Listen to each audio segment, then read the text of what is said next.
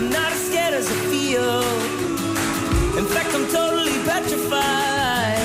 You took your 4 i 43 minuts, un estudi de l'OCDE diu que els països més desenvolupats del món són els que dediquen menys temps a treballar. L'estudi diu que els treballadors alemanys, els holandesos, els noruecs i els danesos són els que menys hores treballen al llarg de l'any. En canvi, Mèxic i Costa Rica són els dos països on es treballa més hores. En total s'han estudiat 38 països de tot el món. Al capdavant de la llista hi ha els treballadors de Mèxic, que treballen 2.246 hores l'any, i a l'altre extrem hi ha Alemanya, on es treballen 1.371 hores l'any. Entre tots dos països hi ha una diferència de 875 hores. Espanya se situaria per la banda dels països que menys temps dediquen a la feina, amb 1.691 hores treballades l'any.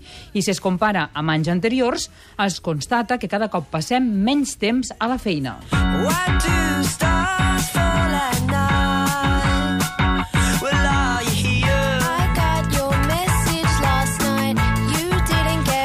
Josep Ginesta és secretari general de Treball, Afers Socials i Famílies de la Generalitat i, com diu ell, també és treballòleg. Josep, bona tarda, com estàs? Molt bona tarda. Doncs molt bé. Potser és que els països que treballen menys hores treballen menys hores precisament perquè s'ho poden permetre, perquè són més productius, perquè en menys hores en tenen prou. Doncs eh, una mica és això. De, de fet, eh, la organització, la bona organització dels processos productius, la bona organització eh, de, de les empreses fa que la gent pugui ser més productiva en menys temps i, de fet, per això els països eh, més desenvolupats eh, són aquells en els que es treballen més hores, però alhora són en els que, quan analitzem la productivitat, són també els més productius i amb diferència, normalment. Clar, jo amb, aquests eh, temes i amb aquests eh, assajos teòrics sempre tinc un problema. Per exemple, parlem de processos productius, d'organització d'empreses, etc. però realment com es calcula aquesta productivitat? Vull dir, quina és la, la fórmula aritmètica? Què has de fer i deixar de fer per dir que aquelles hores són més o menys productives aquí o allà? És veritat. Eh, Jo tampoc en tinc idea.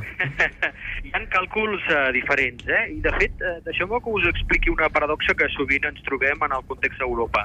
Eh, a Espanya, que se li ha atribuït moltes vegades eh, una baixa productivitat, eh, se li atribueix una baixa productivitat perquè resulta que som poc productius per hora. Eh, quan computem la productivitat per unitat productiva, és a dir, per persona inserida al mercat de treball, estem en mitjanes europees, estem per eh, mitjana de països com Alemanya i fins i tot en alguns moments per sobre, el que passa que combinem productivitat per hora de presència al lloc de treball, per presència física, doncs en aquests casos és quan sortim eh, malparats, no? per allò de que eh, doncs hi ha països, el cas d'Espanya, però també en alguns països llatinoamericans moltes vegades, eh, que es paguen les hores extres i es paga per a l'estar en el lloc de treball més que pel produir, no?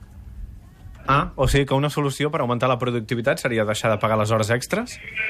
Uh, podria ser, de fet, uh, no, no, no tan directe, és a dir, deixar de pagar les hores extres, però sí uh, instaurar processos a les empreses en els que paguem a les persones uh, no només pel temps que estan en el seu lloc de treball, sinó pel resultat d'allò que fan, eh? per el resultat d'allò que produeixen, uh, perquè es compleixen els objectius que l'empresa s'ha fixat, etc etc. no? I tot això sempre amb limitacions, perquè quan parlem de sistemes uh, retributius o sistemes de compensació en els que doncs, fixem objectius o fixem eh, l'assoliment de determinades fites, doncs hem de posar límits, no? Perquè si no, això seria canvi qui pugui.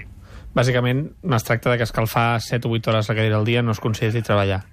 Uh, absolutament. De fet, aquesta estadística uh, que analitzàveu el que ens explica és que hi ha llocs on uh, segurament es paga a les persones per estar al lloc de treball. Uh, que estar al lloc de treball no significa que siguin productives i que treballin uh, tota l'estona, òbviament. Josep Ginesta, secretari general de Treball, Afers Socials i Famílies de la Generalitat. Moltíssimes gràcies pels aclariments. Que vagi bé. Bona tarda.